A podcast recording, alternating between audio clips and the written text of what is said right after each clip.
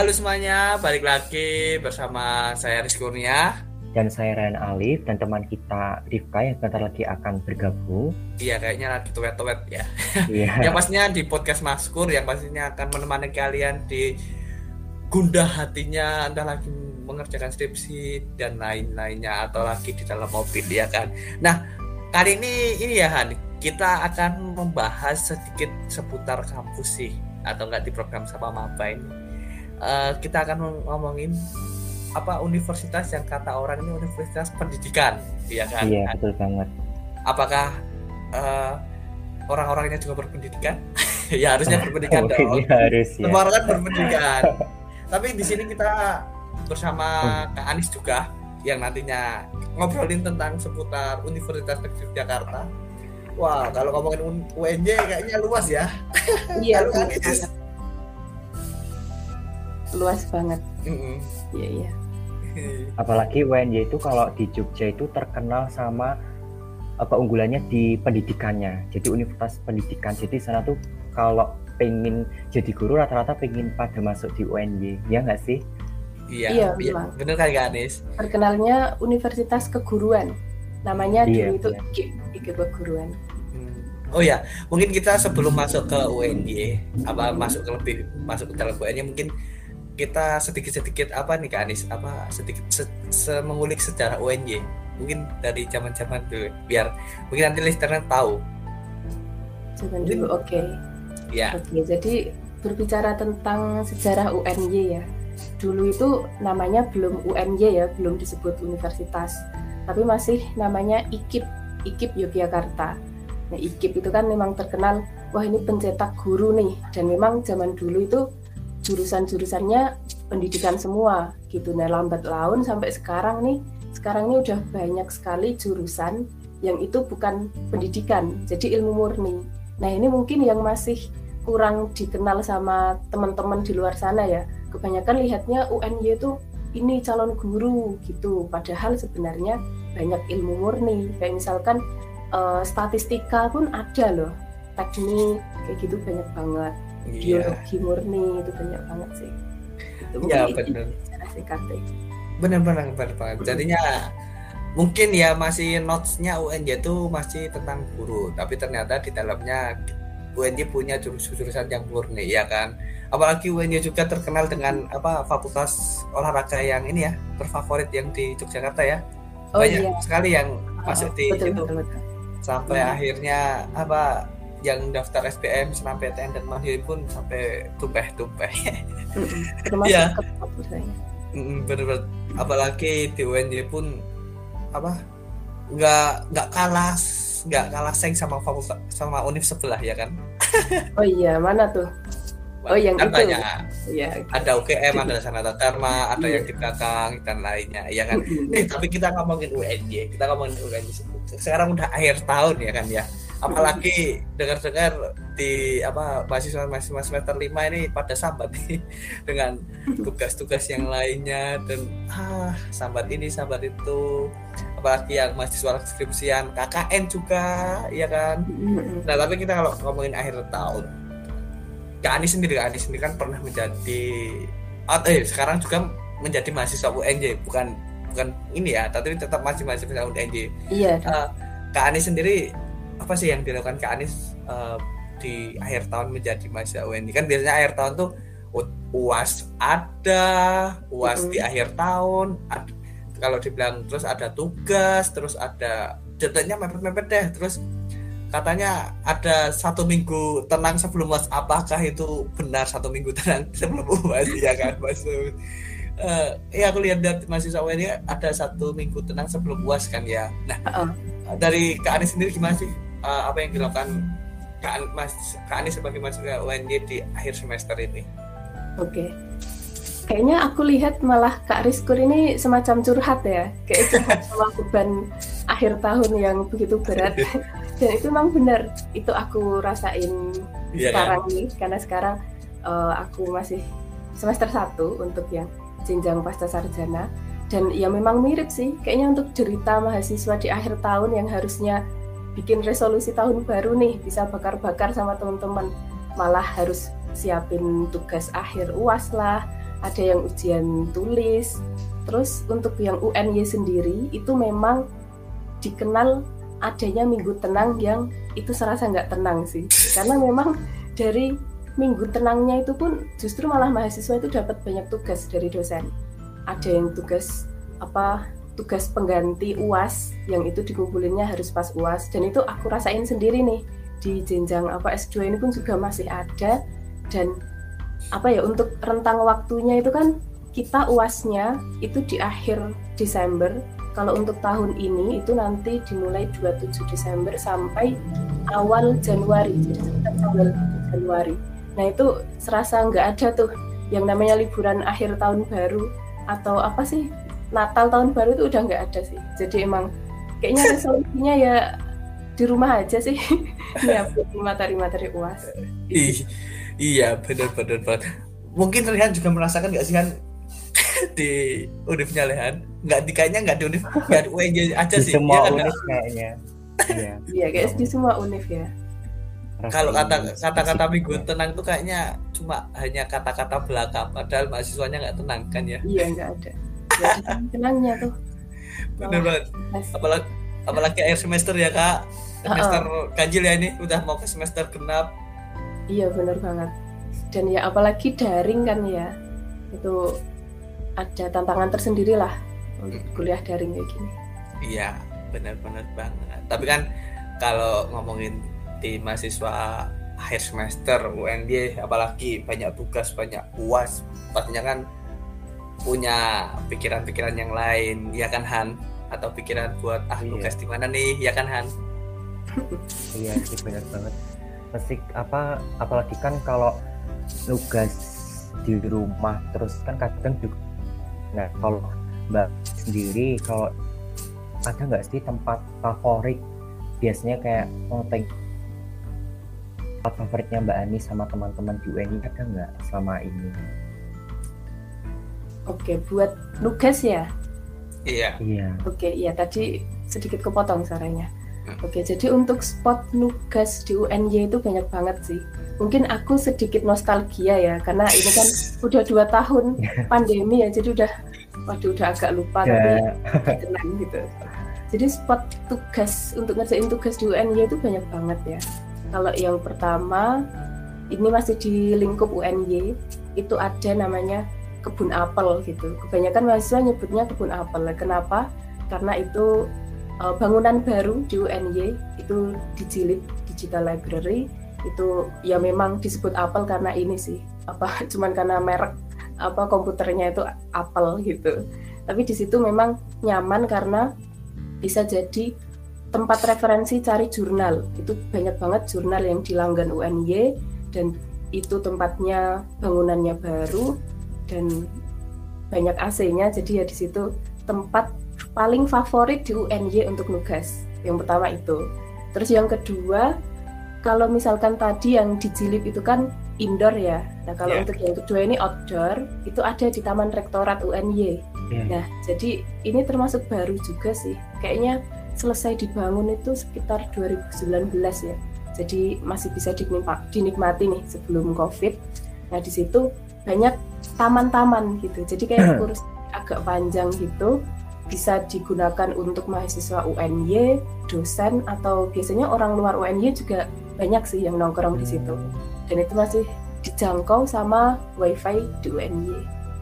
Terus yang ketiga mungkin ini ya di Plaza UNY. Jadi itu semacam kayak mall lokalnya UNY ya. Jadi itu kayak uh, supermarket lah, tapi yang ukurannya yang cukup besar itu bisa untuk hangout mahasiswa UNY sembari nugas sembari untuk makan-makan kayak gitu juga bisa. Dan itu masih dijangkau wifi UNY oh. jadi ya jadi daya tarik tersendiri. Iya benar benar berarti itu ya mbak masih... banyak ya mbak ternyata kalau di spot favorit. Uh, uh, iya banyak banget. Nah kalau untuk milih yang paling ini ya paling yang aku suka tentunya yang ber AC sih karena aku paling benci panas. Situ library itu kan. Karena kalau berasa enak ya Mbak ya hasilnya oh, oh. Iya, apalagi kalau tugasnya susah itu kan kepalanya panas karena ruangannya dingin jadi bisa ngimbangin. Iya benar benar, benar banget. Tapi apa Mbak Anis kan tadi kan apa kalau uh, beberapa spot ya. Kadang kan kalau ngerjain tugas kan sering uh, lapar juga kan kayak pengen cemilan. Ah makan apa ya? Kalau Mbak Ani sendiri sih ada nggak sih kalau di UNY makanan favorit yang biasa sama teman-teman Mbak Anis makan ketika jam istirahat kuliah atau makanan legend yang terkenal di UNY sendiri ada nggak sih Mbak? Makanan legend dan itu jadi favorit mahasiswa UNY itu mestinya ada. Dan itu yang aku sukain itu ayam geprek ya. Itu biasanya favorit mahasiswa kan ayam-ayaman. Yaitu di sekitar UNY ada ayam geprek namanya hmm. ayam preksu. Nah itu udah legend banget preksu. sih banyak cabang di sekitar Jogja ya. Kalau di dekat UNY itu ada dua. Jadi itu udah lumayan lumayan apa ya bisa memenuhi kebutuhan mahasiswa lah. Apalagi mahasiswa itu kan suka yang bisa ngambil nasi sepuasnya. Nah, di ayam preksu itu bisa ngambil sepuasnya. Hmm, Ada yeah. juga oh, yeah. jajanan, jajanan kaki lima. Itu kayak apa siomay legend, terus ada cilok tiga bersaudara itu ada di dekat uh, hotel UNY. Nah, itu biasanya yang laris banget tuh. Mahasiswa suka berburu di situ. Oh iya, bener banget, bener banget. Jadinya iya sih.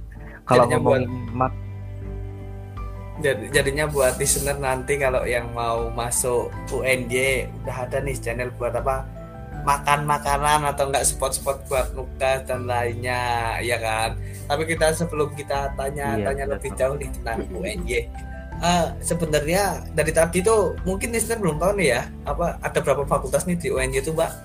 Kan jadi kita ngomongin ini ngomongin ini tapi listener uh, belum tahu berapa ada berapa fakultas iya, di, di UNJ Oke, jadi fakultas di UNY itu ada FBS, aku sebutin langsung ya, ada yeah. FBS, Fakultas Bahasa dan Seni, Fakultas Ekonomi, Fakultas Teknik, Fakultas Ilmu Pendidikan, terus ada Fakultas Ilmu Sosial, ada juga Fakultas Ekonomi. Tadi udah disebutin belum ya Fakultas oh, Ekonomi? Eh, udah kayaknya ekonomi. Udah, oh ya berarti yang terakhir ini Fakultas Ilmu Keolahragaan. Oh, Jadi iya. totalnya ada enam. Enam tujuh lah ya, Iya, iya tujuh. Enam tujuh lah, iya kan. -uh. Dan jenjangnya ada yang S 1 kalau ada yang mbak. D 3 Gimana? Ya, tapi kalau ya, biasanya ya, di UNY yang kan tadi kan ada tujuh enam sekitar tujuh fakultas ya tapi kalau di UNY hmm. sendiri ada nggak sih fakultas yang banyak diminati oleh uh, calon-calon mahasiswa baru atau bahkan emang itu tuh fakultas favorit di UNY gitu loh mas saya paling banyak ya, di antara ya fakultas favorit gitulah ya ya kan di antara semuanya gitu ya iya mungkin di antara okay. semuanya gitu uh -oh. ya, ya. Okay. sebenarnya kalau kalau kita lihat dari tren ya tren pemilihan prodi favorit di SPM kayak gitu kan biasanya jatuh ke manajemen ya dan manajemen itu uh, punyanya FE Fakultas Ekonomi gitu. Tapi aku rasa di tiap fakultas itu ada ini sih prodi yang paling favorit gitu. Kayak misalkan uh, di FIK Fakultas Ilmu Keolahragaan itu juga ada prodi tertentu yang favorit banget itu FE juga ada manajemen. Terus biasanya di fakultasku nih Fakultas Bahasa dan Seni itu biasanya pendidikan bahasa Inggris yang jadi primadona itu terus untuk yang fakultas teknik nih biasanya teknik sipil sama pendidikan teknik informatika. Nah, itu yang apa cukup ketat gitu sih. Jadi kalau di tiap fakultas itu mesti ada ininya sih primadonanya gitu. Hmm, iya iya. Iya benar benar benar. Tapi nih UNJ sendiri tuh kayaknya ini ya os, bukan ospek sih PKKMB-nya berbeda dari yang lain ya kayaknya. Iya kan? Kayak mereka punya core sendiri kayak kayaknya aku dengar dari anak-anak UNJ pun kayak orang sporteran gitu, gitu kan ya kak atau gimana? Oh iya. Ya itu karena sebelum covid ya. Yeah. Kalau sebelum covid emang aku akuin heboh banget sih sampai tiap fakultas tuh serasa kayak saingan gitu loh. Dan dulu pernah pas zamanku itu ada yang merasa kalah dalam ini supporteran dia hengkang dari gedung dari gedung olahraga gitu dan ya emang terkenalnya itu sih memang dari apa kemeriahannya itu super super asyik gitu. Terus ada jargonnya sendiri apa ada jinglenya? Nah tiap fakultas itu ada jinglenya tiap program studi ada jinglenya sendiri gitu. Oh Dan iya. biasanya juga itu kayak jadi kompetisi sih tiap fakultas. Makanya itu mungkin yang bikin jadi apa ya kayak kelihatan wah rame banget nih di UNY kalau PKKMB kayak gitu. Hmm. iya benar tapi uh, kalau Kak Anis ini kalau di BKKMB kalau di tuh orang yang ikut sportan atau ikut yang diem aja ikut-ikutan kan banyak kan ya kayak gitu. Oke, okay. karena dulu kan PKKMB kan masih maba ya, masih maba itu kan wah semangat nih, pokoknya dikasih doktrin sama siapa sih biasanya pembina ini ya PKKMB itu, yeah. ayo pokoknya harus menang ya. Akhirnya ini dong semangat dong. Jadi ya termasuk fakultasku nih fakultas bahasa dan seni itu kan banyak ceweknya ya. Dan wow suaranya jangan ditanya lagi tuh. Gempar gedung olahraga UNY udah gempar itu. Umatnya banyak cewek semua. Bener iya. Mungkin ini ya katanya kalau kata Kak Anis tadi kan setiap fakultas ada apanya pokoknya ada kasnya tersendiri. Mungkin kalau uh, kalau dari Kak Anis tahu nggak sih apa maskot maskot fakultas tau nggak sih? Atau mungkin maskot UNJ dulu aja sih maskot Universitas Negeri Jakarta. Oke. Wah ini pada agak lupa nih ya. Tapi kalau biasanya di maskot PKKMB ya, ya biasanya tuh tiap fakultas uh, tiap UNJ ada. Biasanya ya karena pendidikan itu kayak semacam burung-burung hantu ya. Biasanya yang melambangkan pendidikan itu kan burung hantu ya. Burung iya. hantu. Itu yang khusus general gitu di UNY tapi kalau untuk maskot tiap fakultas, nah itu udah beda lagi. Kalau fakultasku nih bahasa dan seni itu biasanya gambar gambar uh, pewayangan gitu kayak tokoh tokoh inilah yang melambangkan ke kearifan lokal gitu. Terus untuk yang fakultas teknik itu biasanya gambar burung apa Garuda yang apa kayak terkenal kejantanannya kayak gitu sih. Jadi ya tiap fakultas ada sendiri juga. Jadinya heboh ya di UNY, oh, enggak enggak nah enggak, enggak, enggak, enggak flat gitu pokoknya adalah kesaingan tersendiri antara fakultas dan fakultas. Oh mungkin ini ya kita sedikit ke daerah kepercintaan ya kan Han? Iya. Gimana? Mungkin dari fakultas mana sih kak yang ada yang dibilang buaya atau fakultas yang dibilang iya. buaya wanita ya kan atau ya kan? Berarti ada ya titel-titel di tiap uh, di tiap Oh ya, hai dulu Astagfirullah. Halo listener, saya baru kembali dari alam lain, baru bisa join ya. ya. Halo. Orang baru masuk ya, oke. Okay. Iya. Nah, oke lanjut aja. Berarti berarti di UN ini ada titel-titel tersendiri kayak biasanya. Aku pernah dengar ya, ada temanku cerita kayak um, kalau anak fakultas A itu nanti biasanya pacarannya sama anak fakultas B loh gitu dan kamu mau lihat gak kisah cintanya nih buktinya nih ini, ini gitu. Emang ada ya? Emang maksudnya kayak ada garis takdir gitu fakultas A dengan B atau karena faktor apa gitu loh kok bisa cinloknya tuh dari dua fakultas gitu? Coba kak ceritain. Oke. Okay. ini pertanyaan yang mesti paling ditunggu ya untuk para calon maba calon maba nih. Siapa tahu udah mau berintik nah, dari awal. Ini mencari support system. tunggu-tunggu nih Oke, jadi ya emang ada sih ya. Ya wajar lah biasanya buat seru-seruan gitu di kalangan mahasiswa. Ada yang julukin fakultas teknik gitu. Cowok-cowok fakultas teknik sama fakultas ilmu keolahragaan itu biasanya uh, maaf ya buaya gitu. Iya. Atau mungkin jago ghosting gitu. Ada, yeah. ada yang bilang kayak gitu. Ada yang bilang. Gitu. Ya mungkin karena ini ya, karena apa? Ada yang pernah trauma gitu jadinya nyebarin hoax kayak gitu. Dan tapi kalau aku lihat gini ya memang itu julukan itu bisa jadi muncul karena memang kalau fakultas teknik sama FIK itu kan mayoritas laki-laki. Jadi kayak terkenalnya itu gitu. Dan kalau di fakultasku nih FBS itu biasanya ya terkenal uh, banyak ceweknya kan yaitu terkenal banyak korban ghostingnya. Korban ghosting atau korban buayanya gitu Nah aku lihat mungkin ini ya pertanyaan Kak Rifka tadi menarik. Kenapa kok bisa dijadiin tolak ukur kayak gitu? Nah kayaknya ini sampai sampai bisa tersebar di seluruh univ di Jogja gitu loh. Soalnya itu jadi nama itu loh gitu. nah menarik sih nah iya menarik sih kalau menurutku ini sih kalau dari kondisi ini ya gedung-gedungnya di UNY itu antara FIK sama FBS itu deketan itu emang nggak nggak tak mungkiri sih nggak dimungkiri. Dan itu kadang gini aku dulu pas masih di gedung atas gitu ya gedung lantai tiga gitu kita itu bisa lihat kolam renangnya di FIK nah ini fakta menarik nih. Ini mungkin yang jarang dibahas nih ya jarang dibahas di mana-mana. Jadi bisa lihat kolam renangnya FIK gitu. Nah ya biasa lah biasanya cewek-cewek gitu oh. lihat kenapa ya biasanya mahasiswa FIK ada ini ada kuliah renang nih? Nah kayak gitu tuh ada Berarti ini ya. dari arsitekturnya aja sudah mendukung gitu ya, yeah. cinta dua fakultas ini gitu. Iya, gitu. okay. Jadi teman-temanku cari kayak vitamin C lah, vitamin C gitu di pagi hari gitu. Kalau beruntung ya bisa dapet itu. Kalau enggak ya ya udah. Iya iya iya iya. iya. Lucu-lucuan aja sih itu. Tapi nih kak. Tapi emang beneran kejadian banyak kan kak? Iya, tetap kejadian lah itu. Tapi kamu ada yang kejadian nggak sih? Kamu mbak? dulu FIK kan? Atau Mbak Ani sendiri yang mengalami kisah cinta legend cinlok mungkin Kak Anis gitu, Kak Anis kan sudah ini udah udah lulus S1 mungkin Kak ya, siapa tahu. ya kan? Siapa tahu kan? Iya itu ketawa berarti kayaknya aneh deh sesuatu itu iya Kak Anis oh, ini sama anak FT atau FIK nih Kak?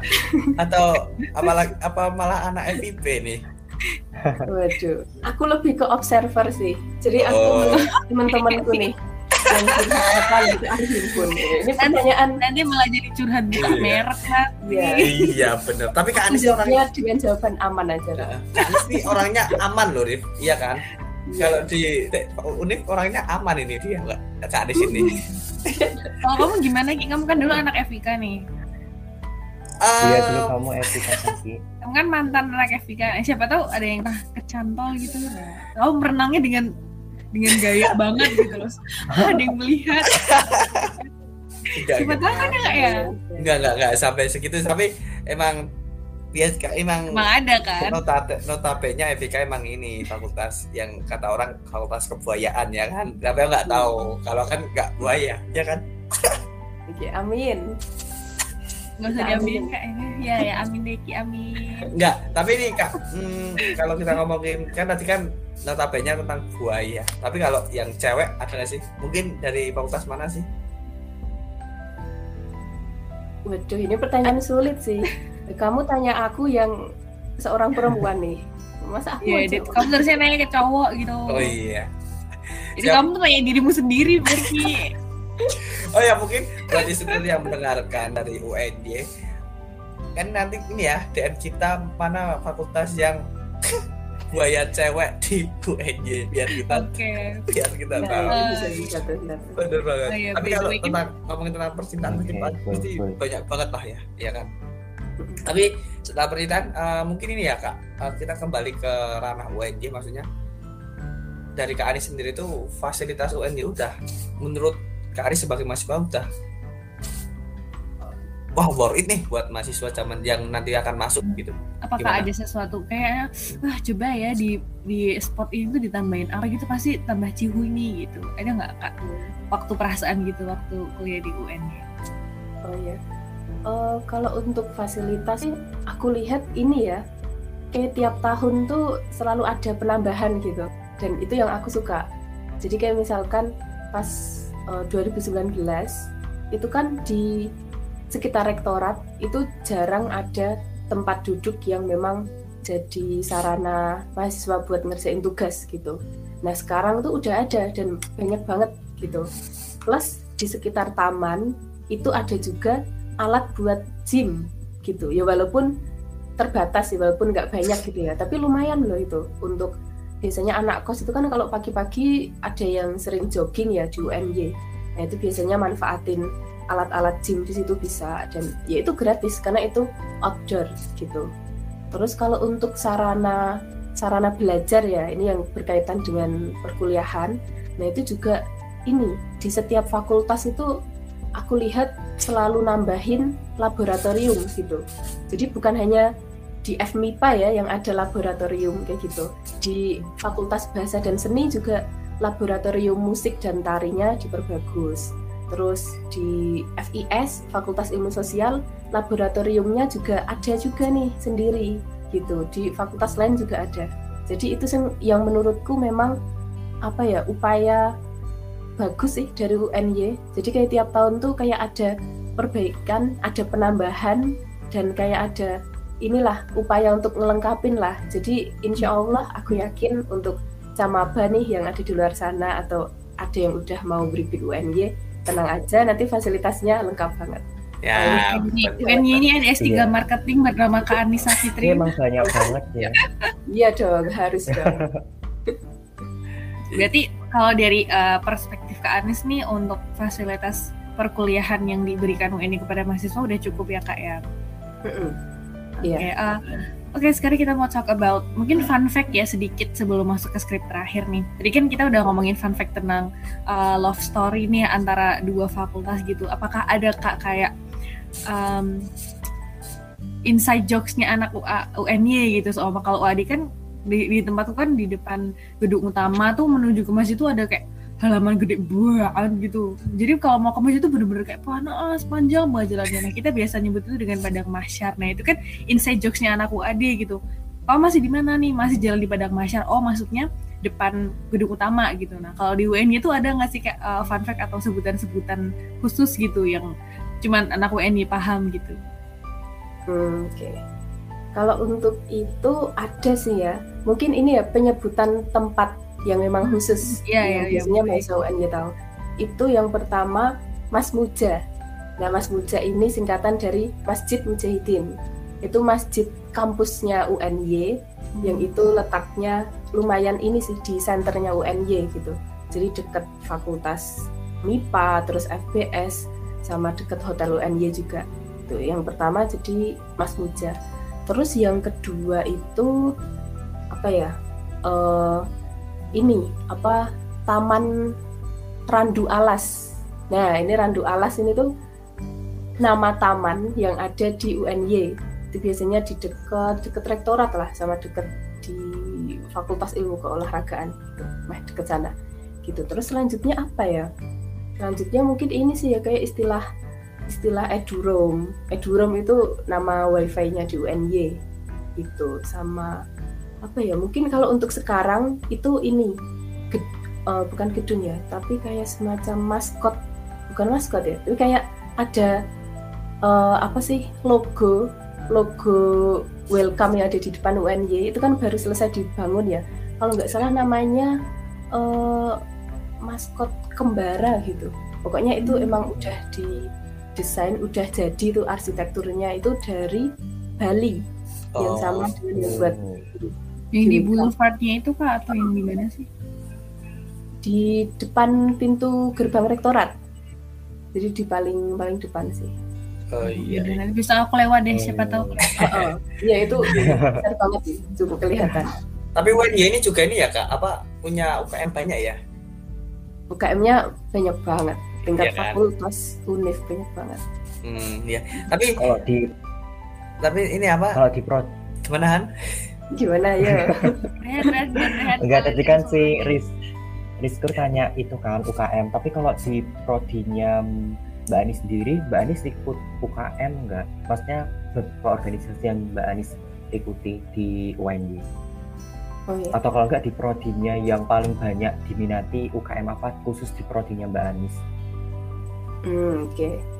biasanya kalau tiap prodi itu kan ada hima ya himpunan mahasiswa gitu tapi kalau aku sendiri itu aku ikut UKM jadi UKM penelitian tingkat Fakultas Bahasa dan Seni sama UKM keluarga mahasiswa muslim gitu. Tingkat fakultas itu sih. Kalau untuk yang paling banyak diminati sih biasanya ini ya anak-anak S1 itu uh, mengidolakan BEM gitu. Entah BEM oh, aku banget kan ini. Gimana? Kayak diidolakan sekali keren-keren ya. Kenapa ya? Mungkin ini sih, iya keren, keren iya terus. Sih, mungkin keren juga. Uh -uh. Pandangan orang itu kan, wah ini Apalagi kayak kalau, kalau sering tampil di mana-mana kayak pembukaan apa, uh, uh, BNUAD, eh BNUAD kan, BUNY gitu. Iya, PKKMB itu kan juga ini kan dan juga sih yang oh, yang ngurusin handle ya oh, oh. ya itu sih okay. iya berarti ini uh, UAD, eh, UAD lagi. Astagfirullahaladzim maafin. UNY ini berarti nggak cuma memfasilitasi mahasiswanya secara uh, fasilitas gitu. Memberikan fasilitas yang nyaman seperti tadi yang Mbak Adi ceritain. Wifi di mana-mana bisa diakses tempat nyaman untuk tugas tapi juga uh, memfasilitasi mahasiswa untuk mengasah skill bakatnya dengan berbagai UKM yang banyak gitu. Oke, okay, uh, sekarang kita mau jadi kan kita udah nih udah bahas dari fasilitas uh, tentang prasarana di sana. Sekarang kita mau nanya uh, uh, kesannya Kak Anis nih ketika kuliah di UN itu apa sih Kak Anis yang bikin kayak happy? Wah aku nggak nyesel nih kuliah di sini. Wah oke okay banget nih aku dari Gunung Kidul turun ke Jogja untuk kuliah di UN itu nggak ada rasa sesalnya gitu. Jadi Kak Anis sendiri apa hal yang membuat Kak Anis tuh senang dan bangga gitu berkuliah di UN? Nah ini maba-maba dengerin nih, jadi motivasi. Gitu. Silakan. Oke. Okay. Ya, terima kasih ya untuk sesi promosi yang diberikan ke aku. Ini, ini akan aku manfaatkan sebaik mungkin. Yes. Ya, kalau untuk kesan apa yang aku rasain, itu pastinya aku pertama seneng sih karena minatku di bidang bahasa dan sastra Indonesia nih itu bisa tersalurkan dengan adanya prodi PBSI di UNY gitu. Kan di UNY ini tuh ada pendidikan bahasa dan sastra Indonesia, ada juga sastra Indonesia. Nah, jadi apa ya dari minatku itu pun masih ada ragamnya gitu loh, ada yang pendidikan, ada yang ilmu murni. Jadi aku lihat di UNY ini tuh prodinya macam-macam gitu. Ada yang kalau suka jadi guru oke okay, bisa milih pendidikan gitu atau yang lebih suka ilmu murni oke okay, bisa yang ilmu murni gitu. Walaupun prospeknya itu jurusan pendidikan nggak harus jadi guru nggak harus jadi guru ya jadi lebih luas lah gitu untuk prospeknya. Nah terus selain itu juga dari fasilitas ini nggak peres ya tapi memang di UNY ini tuh ya seperti yang aku bilang di depan tadi kayak banyak ini apa perkembangannya gitu. Kayak tiap tahun nih selama aku kuliah di sana itu udah banyak penambahan nih fasilitas. Kayak tadi alat gym terus laboratorium laboratorium lalu untuk gedungnya pun juga direnovasi terus gitu. Dan yang nggak kalah pentingnya dan ya mungkin ini bisa jadi apa ya patokan biasanya para mahasiswa mau lanjut kuliah yaitu dari biaya kuliahnya dan biaya hidup di Jogja. Nah siapa sih yang nggak yang nggak mau gitu loh hidup di Jogja itu kan idola semua ini ya kayaknya semua mahasiswa. Ya, kan idola sekali itu. Nah kota pelajar biayanya murah terus juga ya untuk biaya pendidikan sih menurutku di UNY ini ya relatif merakyat lah untuk orang-orang Jogja dan untuk orang-orang luar Jogja gitu bisa iya. dibandingin langsung. Benar. Uh, bisa disebutin nggak mbak uh, rata-rata rata-rata UKT-nya itu berapa dari range berapa saya berapa itu? Aku juga kepo sih sebenarnya berapa gitu loh.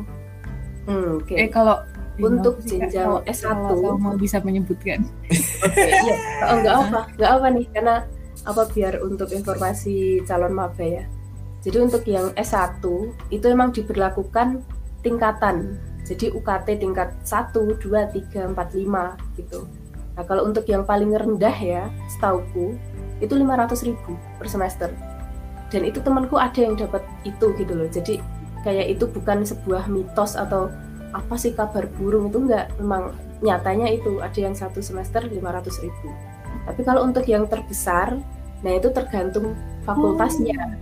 kalau di fakultas bahasa dan seni atau fakultas apa ilmu sosial FIP itu biasanya paling tinggi 4,7 deh kalau nggak salah. Pokoknya masih di bawah 5 juta dikit lah gitu. Nah kalau FT FT terus fakultas mana lagi ya? Kayaknya yang memang banyak praktiknya itu memang agak tinggi. Jadi kayak misalkan uh, 7 juta itu ada. Tapi bisa dibandingin deh. Kalau di uh, UNY terus mungkin dibandingkan sama fakultas di univ lain nah itu mungkin bisa dibandingin. Termasuk merakyat sih di UNY ya, eh, itu murah sekali benar kok. Iya itu. Murah sekali tapi okay, pesaingnya banyak kan ya. Jadi teman-teman yes betul. Aku nggak keterima makanya setelah. Tidak apa. Gimana aku mau masuk statistika mbak?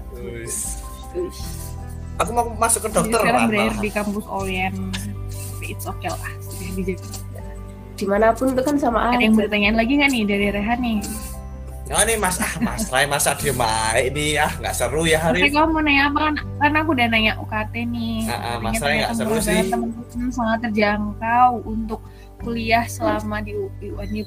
Seumpama tadi uh, eh, UKT-nya terendah lima ratus ribu tuh buat dibayar setiap eh, enam uh, bulan ya berarti sebulan oh, juga nyampe seratus ribu. Allah, nikmat Tuhan mana yang kau dustakan. Nah, jadi itulah informasi sedikit gitu. Jadi bukan itu uh, dipengaruhi sama fakultas dan juga gaji orang tua ya Mbak ya. Ya kan oh, masuk iya. golongan oh, mana gitu itu, biasanya. Betul banget. Kan yeah. golongan yeah. apa, golongan berapa itu semakin tinggi golongannya semakin muahal, tapi tetap terjangkau hitungannya kalau untuk uh, eh, UKT di daerah Jogja. Oke, okay. Rehan yeah. mau nanya nggak? Bener, bener, bener, bener, bener, bener. Kayaknya Rehan ini kan? Aku aku dengerin tadi. Aduh, Rehan, Rehan. Mah turu kok di Titani. Jadi emang gue bisa Jawa. Enggak. Ya aku juga orang Jawa. Oh, Gunung Kidul Jawa. eh yang yang penting ini ya, apa di UN itu udah banyak UKM, udah banyak tempat. Ah, pokoknya fasilitas semuanya jangan dilakukan lagi deh. Apalagi kalian yang mau menjurus ke guru keguruan cocok nih buat kalian yang mau ke UNG yeah. dan UKT pun terjangkau ya kawan-kawan jadinya kalau mikir-mikir mau ah kamu sebelah aja nggak keterima bisa lah ke UNG ke sebelah kan aja Ya, ini ya, perlu di cyber nggak sih? Ini podcast ini tidak disponsori oleh UNI ya teman-teman. Ini iya. free, oh, iya. tapi kalau UNI mau sponsor juga boleh banget. Iya, bener banget. Tapi uh, worth it lah buat apa tahun depan yang akan mau daftar di UNJ apalagi yang dari luar Jawa. Dan alhamdulillahnya COVID sudah menurun. Semoga ini ya PKKMB UNJ bisa kembali ke core lagi dan teman-teman bisa merasakan keseruannya UNJ di yes gitu. betul sekali. Amin, amin. banget oh ya uh, mungkin ini ya teman-teman listener channel yang ingin mengetahui informasi lebih lanjut dari UNJ bisa ke Instagram apa sih kak? Anis? Oh iya jadi uh, aku mau ngasih tahu nih ya.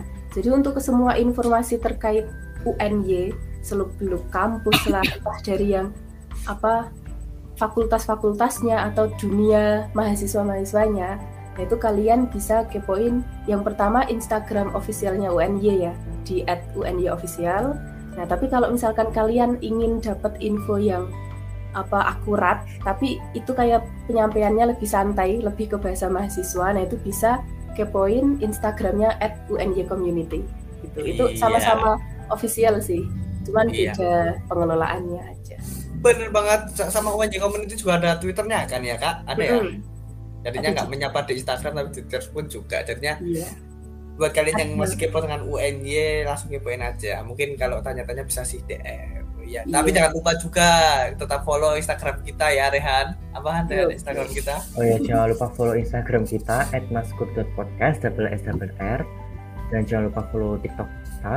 Oh iya TikTok kita juga ikutin terus TikTok kita akan ada video yang menarik @maskur double s double r dan juga Twitter kita ini nice move banget ya. Beloknya mulus banget. Oke jangan lupa follow twitter kita di @maskur double s double r underscore podcast dan juga jangan lupa isi curious yang ada di bio twitter kita. Bener banget buat ini kalian. Nanis mau ngasih ngasih jadi ngasih quotes nggak buat teman-teman oh iya lupa. Oh iya kak. Ini quotes terakhir buat banget listener. yang mau ingin masuk ke oh, iya. apa yes.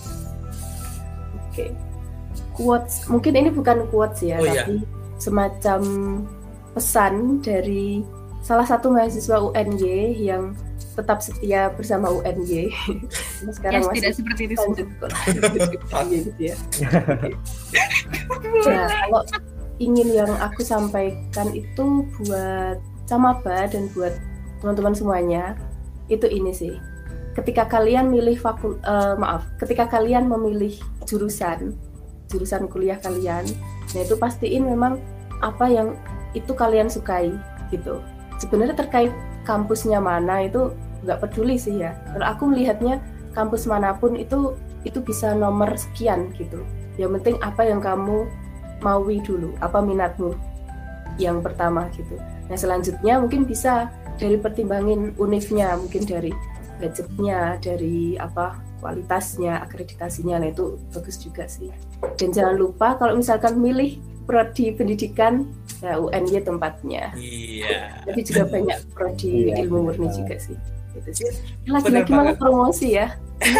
Tapi promosi yang nggak apa-apa. S3 marketing ini udah terbukti kok. Rektorat silahkan dilirik mahasiswanya mereka iya. Sorry, listener cocok buat kalian rekomendasikan UNJ untuk masuk wishlist kalian deh ya kan? Iya, dan mungkin untuk kalian mau jadi guru bisa di sini. Oh ya dan jangan lupa ikutin episode-episode seru kita di podcast Maskur. Entah besok kita mungkin kita bisa bahas tentang jurusan atau kita ke universitas yang lainnya Rifka. Oh iya ya tambah nih kalau sama teman-teman mau request nih. Kak coba UGM deh gitu. Ntar silahkan isi kan nanti kita bakal bahas uh, sesuai dengan request kalian gitu. Oh iya bener banget. Dan terima kasih semuanya yang sudah mau mendengarkan episode kali ini tentang seluk beluk UNY ya kan? Dan apa sih dalam UNY terima kasih semuanya dan terima kasih Kak Anis juga udah mampir yang udah mau Thanks, cerita tentang UNY iya ya kan? sama-sama. Terima kasih. Juga loh buat buat Rizkur, buat Rizka, buat Raihan. Wah ini semoga obrolan ini bisa berlanjut ya iya. harus dong. Harus harus itu harus harus. Oh ya terima kasih semuanya ya kan? Uh, saya Rizky Kurnia pamit. Saya Arif Karatna pasti juga bintang tamu malam kita. Eh, malam ini. Oke okay, ya saya Anis juga undur diri. Undur pamit. Dan sampai jumpa ke episode selanjutnya. Sampai jumpa di episode selanjutnya. See you guys. See you there. See you. Terima kasih sudah mendengarkan. See you.